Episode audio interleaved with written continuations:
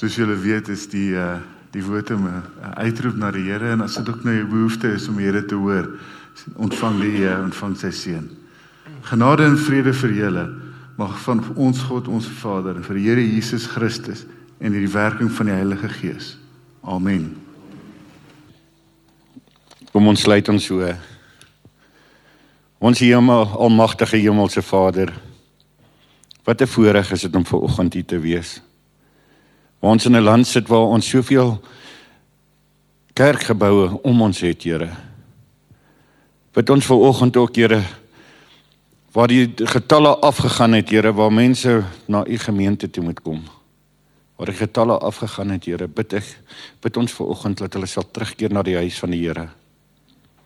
Want Here, dit is so belangrik om met die gemeenskap van die gelowiges te saam te kom en saam te kan bid. Here ons bid vir ons jeug in Suid-Afrika. Ons bid ook Here waar ons waar ons gehoor het van die brood wat hulle uit gaan deel het. En soos Pieter vanoggend gesê het, Here, soos manna wat uit die hemel gaan val, Here. Bid ons Here dat dit dat dit sal geseënd wees, Here. Daar is soveel behoeftiges hier in Suid-Afrika. Daar is soveel mense wat wonder waar die volgende ete vandaan kom. Maar Here ons weet soos ons ver oggend nou gesing het en nou net die motem Here, U is 'n God van voorsiening. U is 'n God van liefde, U gee om. En daarom is ons ook dankbaar vir alles wat U vir ons doen, Here. In Suid-Afrika. Waar daar soveel dinge aangaan, Here, met die oploop van die verkiesings en al daai dinge, Here, en mense wat moed wil verloor en weet nie waar nie. Here bid ons dat hulle hulle moed sal soek in U. Dat hulle hulle vra aan U sal gee. Dat ons nie sal staat maak op mense, maar ons sal staat maak op U Here. Soos U soveel keer deur in die woord al die leiding geneem het van die begin tot vandag toe. Het U nog niks verander nie. Here, en dan kom ons ver oggend ook om dankie te sê, Here.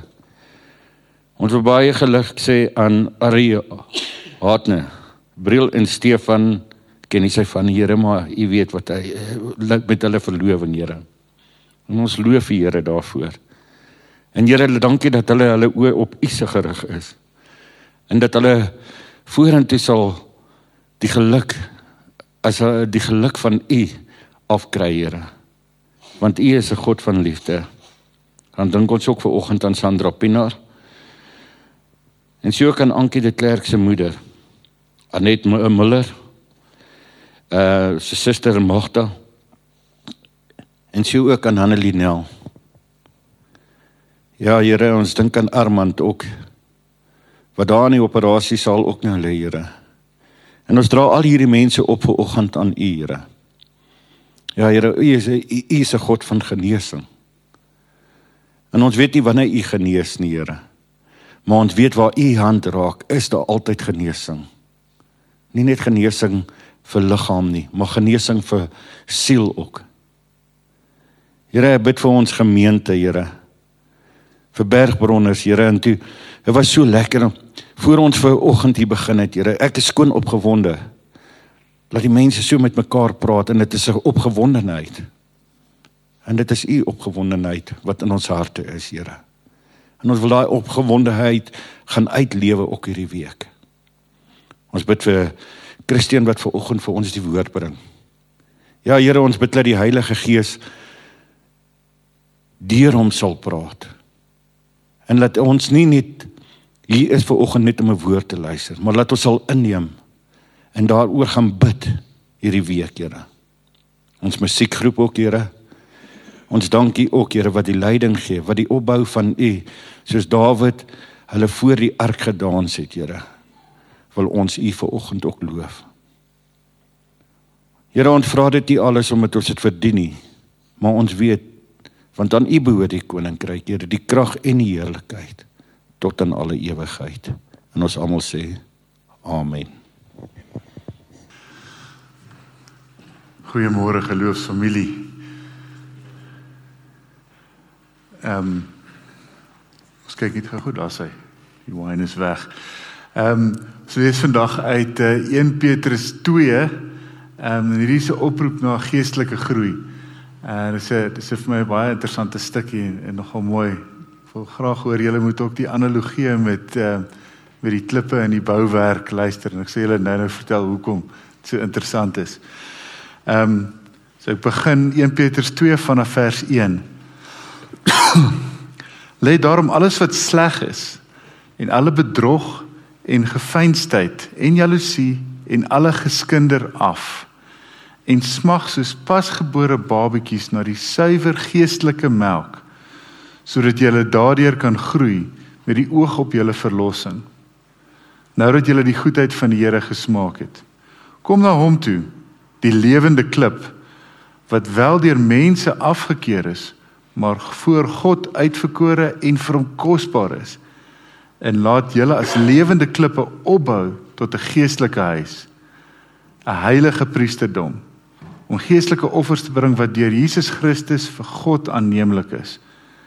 Daar staan immers in die skrif kyk ek sit in Sion 'n klip neer 'n hoeksteen uitverkore en kosbaar maar wie in hom glo sal verseker nie beskaamd staan nie Daarom is dit kosbaar vir julle wat hom glo. Maar vir ongelowiges geld juist die klip wat die bouers afgekeur het, het die hoeksteen geword. So die hoeksteen ehm um, as jy wonder uh, is as jy 'n boog het waaronder deur mens stap, hy is die een daarbo en wat hy doen is hy dra al die las en hy versprei die gewig deur die deur die res van die van die uh van die arch van die boog. Dit is obviously dan baie belangrik. Ehm um, ek uh, het julle genoem op die uh, op die rotsie soos ons gaan nou net daarby uitkom.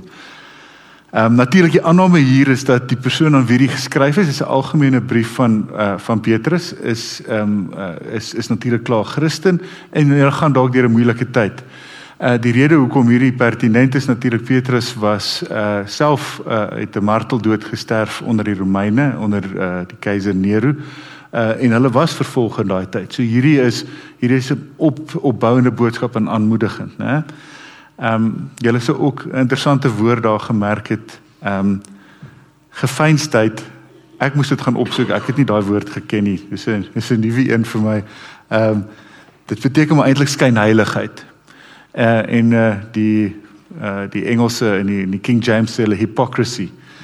Ehm um, so hierdie oproep wat hy maak uh, is natuurlik voor die hand liggend. Ehm um, nadat die leser ervaar het dat die Here goed is, né, en hy smag na meer kos of na meer geestelike opbou, ehm um, moet hulle na die Here toe kyk, né?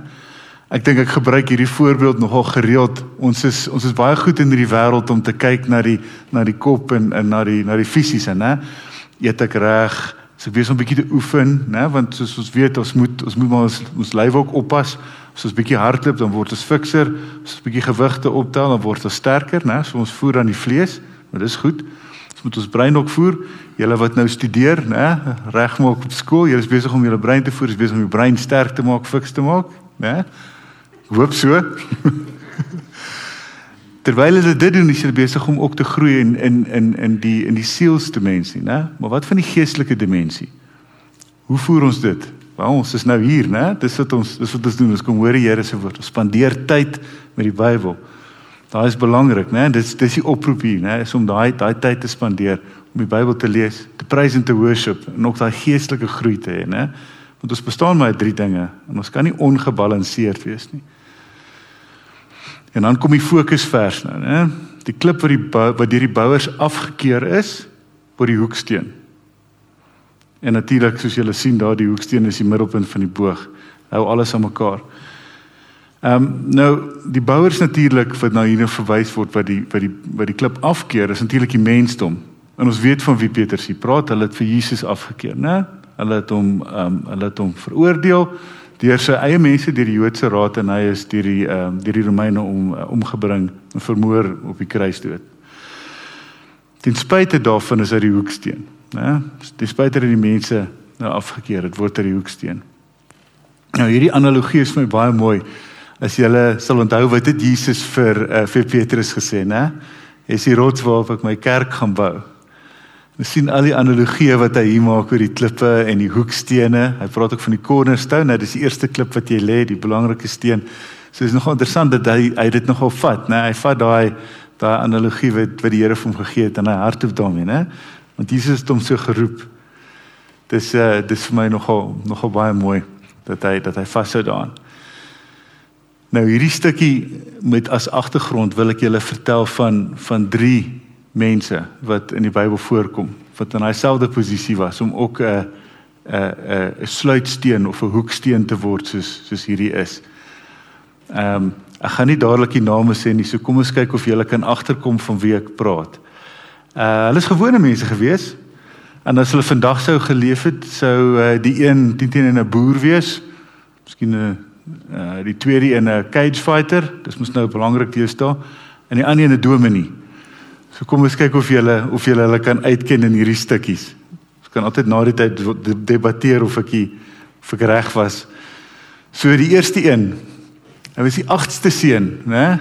Die familie so daar was baie ander seuns gewees.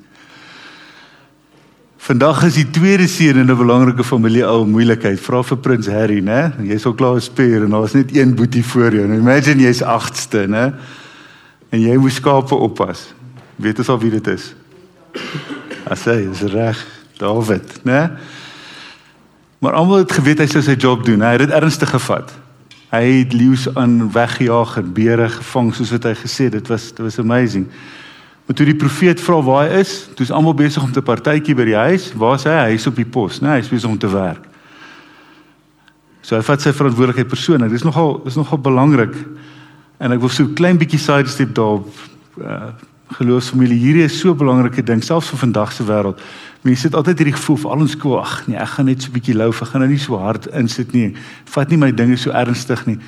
En dan kom jy in die werksplek eendag en dan verstaan jy nie hoekom mense jou nie raak sien nie, né? As jy daai stap uitneem né, en jy kyk in 'n werksplek, dan 'n persoon wat sy werk ernstig opvat, soos wat Dawid dit doen. Nie klein goedjies goed doen staan uit. Hulle is die wat geleenthede kry. Hoekom? Want mense kyk daarvoor. Mense kyk vir mense wat dit wat hulle doen met tot die beste van hulle vermoë. Al is dit om iets skoon te maak, al is dit om net seker maak die ligte is af by die werk as jy klaar is. Hy klein goedjies is baie belangrik. En Dawid het daai goed mooi gedoen. Natuurlik by die partytjie kom uh, kom uh, Samuel en hy sê nie maar hy het nog 'n seun nodig, né? Nee, Daar's iemand missing. Hulle sê ja, dis Dawid. Dawid kom en raai wat gebeur. Hulle salf hom. Fantasties. Ons het hierdie laasweek ook gehoor. Dis mooi. Maar nou nadat hy gesalf is, gebeur daar nie eintlik iets nie, né? Dis nou rukkie voordat die volgende stuk gebeur. So nou het jy natuurlik sewe boeties ehm um, wat nou oorgesien is en jy's nou jy's nou geroep. Ek dink hulle is maar baie eners as ons. Hulle is seker ook maar byname gegee het nadat hy nou gesalf is, sal hy seker roompie wees of oil of olay of so iets. Jou sewe ouer boeties gaan die lewe nie vir jou maklik maak nie. Daar is nie 'n manier nie, né? So wat gebeur? Ruk later vat hy kos vir hulle waar hulle in die veld is. En daar se sien hy vir Goliat en hy's nie bang nie want hy weet wat die regte ding is om te doen. Weereens, of dit groot goeders is, klein goedjies is, skapies op te pas of om ehm uh, basies die reus te gaan te gaan aanvat. Soos julle weet, God het hom oorwinning gegee en natuurlik baie moeilikheid daarna. Saul het nie van hom gehou nie. Dit het uit dit moeilik gemaak vir hom. Ehm um, ons weet dat eh uh, met met uh, Dawid se kinders het dit ook nie maklik gegaan nie. Ehm um, hulle het hom uitgelag toe hy voor die ark gedans het van die mense. So die mense het hom nie almal goedgekeur nie. Baie mense het hom afgekeur, né? Maar baie dieselfde. Maar die Here het hom goedgekeur en die Here het hom gebruik as 'n sluitsteen. Soos dit ons weet, ehm um, die uh, Jesus se ma het uh, uit Dawid se geslag gekom, né? So hy het 'n baie belangrike rol gehad om te speel. Kritieke rol. OK. So die volgende karakter, die dapper soldaat of die die cage fighter. Die Here roep hierdie man terwyl hy in 'n wynpers besig is om uh, koring te sif. Hoekom? want hy kruip weg. Hy wil nie hê die media nie te moet hom sien nie. Hè? So hulle is so bang. Hy hy sit nie in die oopte daar waar die wind die die kom kom help om hierdie om hierdie uh uh jy weet koring te sif nie. Hy sit sommer daar in die, in die wynpers. So dit moet nog moeilik wees. En daar roep 'n engel hom en sê vir hom Jy's 'n dapper kryger, jy's 'n warrior. In daai tyd het almal maar baalbeelde gehad in hulle tuine en hy was mos aanvaarbaar in daai tyd. Niemand het eers gesê dis 'n sleg of nie. Hy's nie eens 'n prominente van 'n prominente familie gewees nie. En hy het baie vrae gehad. Nadat die engel homself geroep het en hom gesê dit is wat jy moet doen. Weet ons al van wie ons praat? Ja, yeah, Gideon, mooi. so en jy kan sien uit sy ongeloof uit hy hy ten spyte van die feit dat die Here hom roep en hom sê luister jy jy moet hierdie doen het hy sê o nee maar kom kom ek het 'n teken nodig so miskien moet die dou op die vliesie wees en dan en dan niks rondom nie en dan al die dou rondom en dan nie op die vliesie nie en dan sit te veel Midianiete en sê o ek dink hulle hulle is besig om om definitief te oortuig te wees dat hulle ons gaan wen en dan vat die Here hom naby sodat hy kan hoor dat almal bang is vir hom hy hy wonder heeltyd hy heeltyd vra hy oor Maar die Midianiete was op pad om die Israeliete te verwoes op daai stadium. So dit was baie belangrik dat iemand opstaan en 'n hoeksteen wees en die Here het hom kragtig gebruik as daai hoeksteen. Met 300 man het hulle die hele weermag verslaan. Natuurlik om die eer aan die Here te gee, né, want dit is nie eintlik uit hulle uit uit self wat hierdie gebeur het nie. En dis wonderlik om dit te doen. Nog meer is dit daarna wil die volk hom koning maak en hy sê nee. So hy stel ook 'n baie mooi presedent want op daai tyd wou die Here nie vir hulle 'n koning gegee het nie. Selfs Saul het hy as jy hoor dit wat in die Bybel staan, het die Here gesê ek wil nie eintlik vir julle 'n koning gee nie. Dit is nie die doel nie. So die Here gebruik hom dan ook as 'n as 'n sluitsien. Dis nou vir vir Gideon. En dan die laaste voorbeeld wat ek hier wil gebruik. Uh die dominee die die vuurvreter. Ek wil graag vir julle hierdie stukkie uit Handelinge Handelinge lees. Ehm um, Handelinge 9 van vers 1 tot 19. Hierdie is een van die mooier stukkies en en dis altyd goed om hierdie te sien voordat mens altyd dink aan aan wat hierdie dominee later gedoen het. Saulus wat nog steeds dreigemente en moord teen die disippels van die Here aangeblaas het. Uit Handelinge 9 van vers 1 tot 19. Skus ek herhaal net daai. Saulus wat nog steeds dreigemente en moord teen die disippels van die Here aangeblaas het, het na die hoëpriester gegaan en van hom briewe gevra aan die sinagoges van in Damaskus sodat indien hy enige mense opspoor wat aanhangers van die weg is, mans sowel as vroue, hy hulle geboeid na Jerusalem kan bring. So hy het letterlik gaan Christene vang. As hy uitvind dat Christene het hulle gevang, geboei en na Jerusalem toe gevat om veroordeel te word deur die raad. Terwyl hy onderweg was en by Damaskus kom, het 'n lig uit die hemel hom skielik omstraal en hy het op die grond geval en 'n stem hoor sê: "Saul, Saul, waarom vervolg jy my?" Hy het gevra: "Wie is U, Here?" En hy antwoord: "Ek is Jesus wat jy vervolg. Maar staan op en gaan na die stad daar sal vir jou gesê word wat jy moet doen." Die manne wat saam met hom gereis het, het sprakeloos gestaan omdat hulle wel die stem gehoor het, maar niemand gesien het nie. Saulus het van die grond af opgestaan, alhoewel sy oë oop was, kon hy niks sien nie.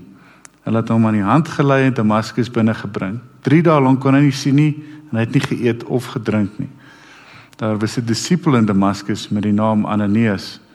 In 'n visioen het die Here vir hom gesê: "Ananias." En hy het geantwoord: "Hier is ek, Here." Die Here sê vir hom: "Maak gereed en gaan na die straat bekend as Regheidstraat." en vra in die huis van Judas na iemand uit Tarsus met die naam Saulus.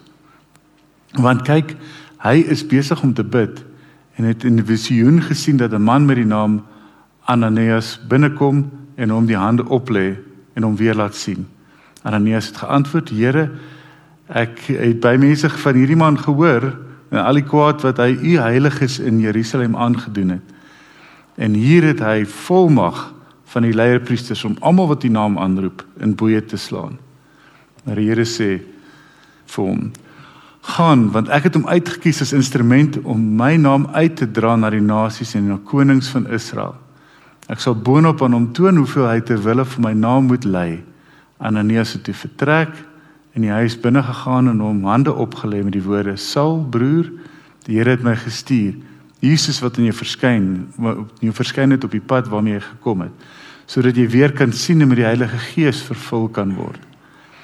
En dadelik het daar iets so skille van sy oë afgeval. Hy kon weer sien, het opgestaan en is gedoop. Nadat hy geëet het, is sy krag oorwin. Wat hy sy krag herwin. Wonderlik om te sien hoe die Here hier ingryp, né? Paulus is vir hom belangrik en hy roep hom uit. Hy gee hom ook 'n nuwe naam Paulus en nie meer Saulus nie, né?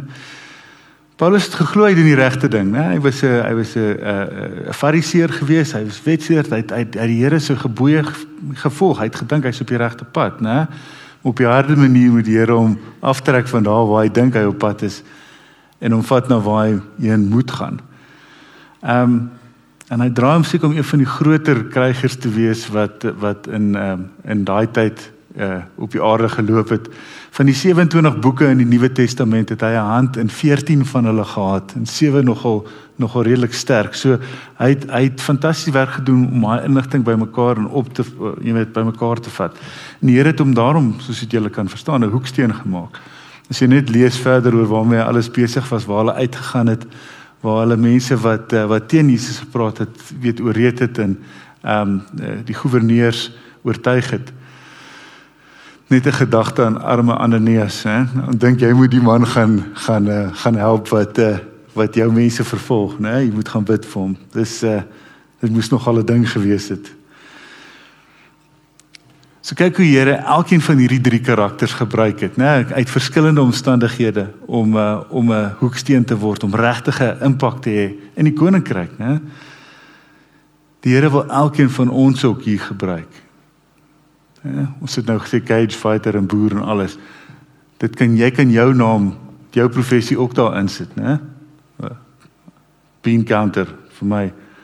Maar miskien 'n huisvrou, miskien 'n skoonmaker, miskien 'n musikant, né? Plumber, elektriesien, al daai goeders. Dit het almal 'n rol om te speel. Dit kan almal 'n sluitsteen wees, né? Die Here het 'n groot plan vir elkeen van ons wonderlike plan, hè, groter as wat ons kan dink. Ek seker as jy vir Dawid sou vra, sou hy nie dink hy sou koning word eendag en sy nageslag sal eh, sal die Messias kom nie. Selde vir die ander. Hierdie is groter voorbeelde natuurlik. So en ek hoef nie almal die groot voorbeelde te gebruik nie, né? Van ons is dalk bietjie meer undercover, miskien bietjie laer, soos Ananias, né? Dit 'n groot rol wat hy nie gespeel daarin nie. Hy was nie wenige geleier nie, maar hy was ook 'n baie belangrike rolspeler. Hy het ook 'n hoeksteenrol gespeel. Hè, miskien Nehemia, Esther, Abigail. Hulle het almal 'n rolle ook gespeel, maar miskien nie noodwendig op dieselfde vlak nie. Maar die Here het hulle kragtig gebruik. Maar die lewe kom in ons pad, nou, ons is besig, ons het klomp goeders om te doen, ons moet werk, ons moet eet. Né? Lewe gaan aan. Ons kan nie net alles daarop fokus nie, né? Dis dis 'n moeiliker ding, daai roeping uitleef.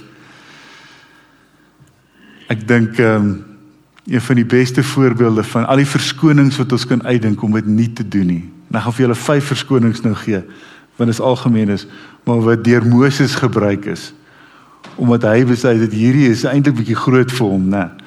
Hierdie kom uit Eksodus 3 en Eksodus 4, die stukkie sal ek sal ek vir julle hier aanhaal. Maar dit is maar in ons lewe dieselfde, né?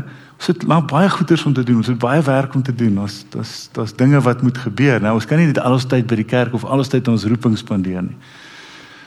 So kom ons kyk na daai vyf voorbeelde. Die eerste een. You got the wrong guy. Né? Ken jy glo Moses dit gesê, né? Moses hoor die stem uit 'n brandende bos, né? Dit is dis obviously iets wat aangaan. Die bos brand nie uit nie. En hy hoor die Here se stem uit hierdie bos uit. Né? Die Here sê vir hom uh, Eksodus 3 vers 11. Uh eh, skus, die Here vra van voor 3 vers 11, jy moet die volk uit Egipte uitlei. Sy woorde, sy antwoord aan die Here, hierdie bonatuurlike ding wat gebeur is. Ehm um, wie is ek dat ek na die farao kan gaan en ek die Israeliete uit Egipte kan lei? Net ten spyte van alles wat hier aan die gebeur het, sê nee, is nie ek nie. You got the wrong guy, né? Hy voel nie opgewasse nie. Hierdie is 'n groot ding, hè, wat hy moet doen groter as wat hy kan dink. So kan ek hierdie be, be, be, gedagtes bekend. Ooh, ek weet nie of ek hierdie kan doen nie, né? Dan wat is die Here se antwoord in vers 12? Ek is immers by jou.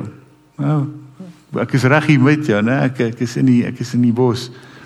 Dis nie al wat ons nodig het nie. Dis die Here saam met ons is in dit doen nie, né? Soos Dawid vir Goliat kon aanvat want die Here was by hom. Die tweede verskoning. Ek is nog nie reg nie. I'm not ready.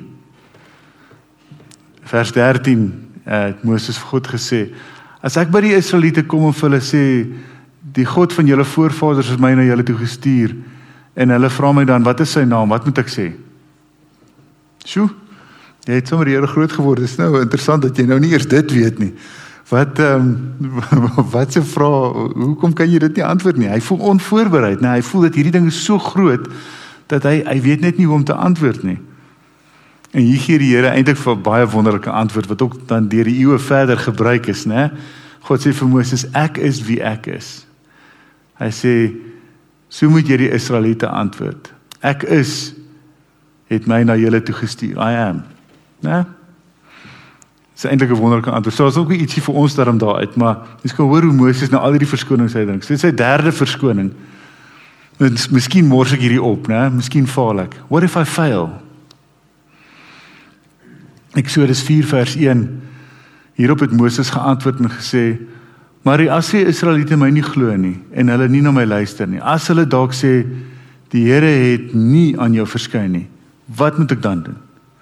Ek dink die Here is seker nou besig om te sê, "Maar ek het jou nou al hierdie goed gesê, alright. Fine. Hier is staf wat jy het. As jy hom op die grond gooi, verander hy in 'n slang. Wonderlik, né? Nou sê die slang rond en as jy met sy stert gryp, word dit weer 'n stok. Dis nogal 'n nifty trick, né? Ek dink nie enigiemand anders het dit nogal regtig kon doen daai tyd nie. Alhoewel bietjie later was daar towenaars betrokke, maar net dit is nou klaar iets, né? Mens kan dink Moses moet nogal dink, "Jo, dis dis 'n ding." Maar wat sê hy? Hoe, hy weet nie dit dit alleen genoeg gaan wees nie, né? Net 'n stok wat in 'n slang kan verander. Wat hoe gaan dit nou help? Jy sê okay, fyn, dan sal nou nog 'n voorbeeld steek jou hand in jou in jou uh, in jou kleed in en as jy hom uithaal dan sy wit soos molaats. Wow, okay, dis dis 'n goeie trick. As jy hom insit en jy haal hom uit dan sy weer gesond. Okay. So dis nie sê nie so daar's nou twee goeie voorbeelde, dis sal miskien nou opbou. Okay, nee, Moses het Moses het die vierde vraag, die vierde ding wat hy oorwonder. Hy sê nee, hy het nie die regte gawes nie. Eksodus 4 vers 10.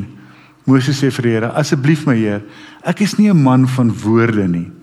Nie in die verlede nie en ook nie van dit u met my diensknegt gepraat het nie. Met my u diensknegt gepraat het nie, want ek is swaar van mond en swaar van tong." Nou daar's 'n vermoede dat Moses natuurlik 'n bietjie van 'n spraakgebrek gehad het. Hulle is nie seker of dit dat hy stadig gepraat of bietjie gehakkel het nie.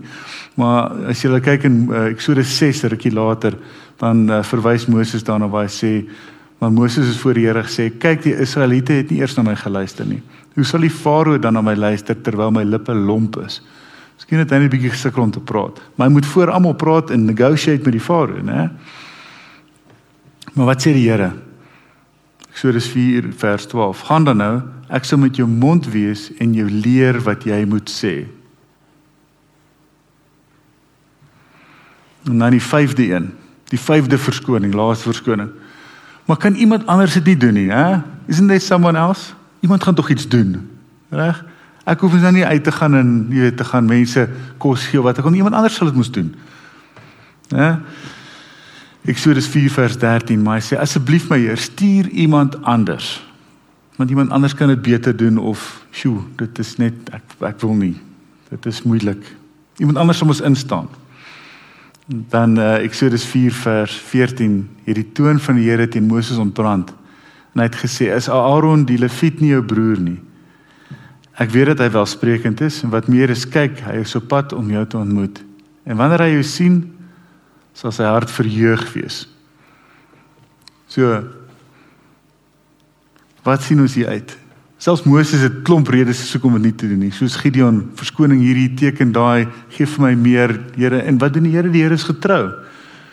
Die Here help. Die Here sê hy help om jou om jou doel te bereik. Die, die werklikheid is hierdie is maar net verskonings. Hierdie is ons wat net nie iets heeltemal kan doen nie, want ons wil dit dalk uit ons eie krag doen. Dan kan ons nie vertrou op die Here om ons te help nie. Of dalk is ons net besig met ander dinge, né? Maar hy het 'n plan vir elkeen van ons en hier is waar vrede lê, né? Hier is waar verwesenliking lê in wat ons wil doen in ons lewens. Miskien moet ons nog na een voorbeeld kyk.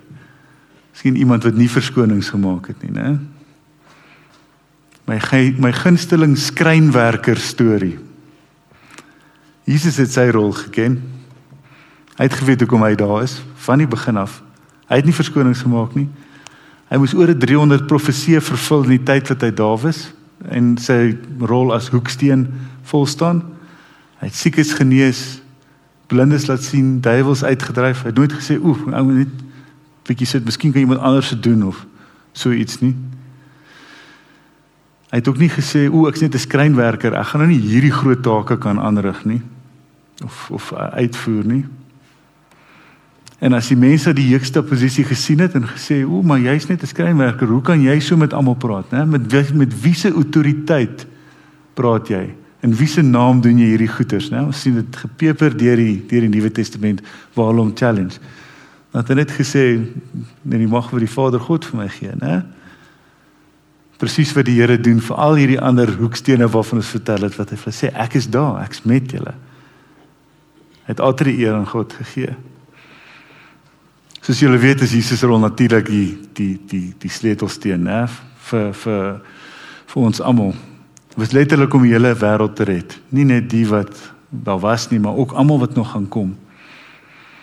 En die wêreld het hom afgekeur, het hom verwerp.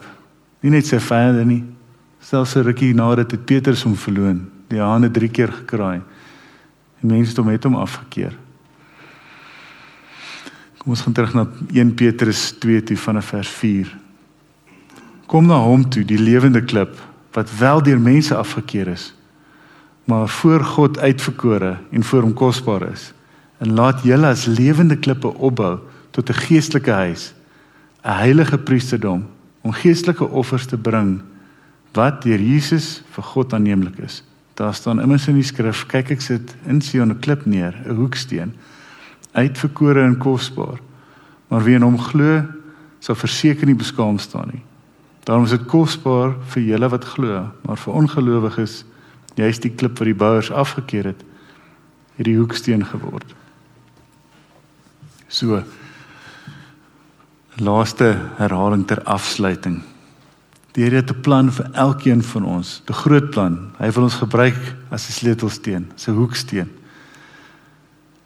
Dis moontlik dat die wêreld ons gaan afkeer, maar dis okay, want dit is die Here wat ons wil gebruik. Om daar waar ons is, te blom, om lig te wees in die donker, om sout te wees. Hy sal ons arm sterk maak, hy sal ons wysheid gee, hy sal ons insig gee. Hy sal ons bemagtig. tot hier toe. Baie dankie geloofsfamilie. Kom ons buig die hoofde. Ons Vader in die hemel, Here, dankie Here vir die woord wat U vir ons gebring het, Here. Ek vra dat hierdie sal saad skiet in vrugbare grond, Here. Dat elkeen wat dit hoor en nie bemoedig sal word hierdeur, Here. Here, U het soveel, soveel wonderlike planne vir ons, Here. Here, U het ons geken waar ons in ons moederskoot aan mekaar gewewe is, Here. U skryf ons naam in die palm van u hand, Here. Want u ken ons, u weet wat ons moet doen, Here. En u het 'n groot groot rol wat u wil hê ons moet speel. Here, ons vra dat Here, u ons sal lei, dat u ons op pad sal vat. Here, sodat ons verwesenlik kan word, Here, sodat ons u vrede mag ervaar, Here. Ons is dankbaar, Here, vir u genade. Amen. Ontvang die seën van die Here. Die Here seën julle en bewaar julle. Mag sy aangesig oor julle skyn en hy julle sy genade bewys. Mag die Here jou sien, sy hoeksteen en aan jou sy vrede gee. Amen.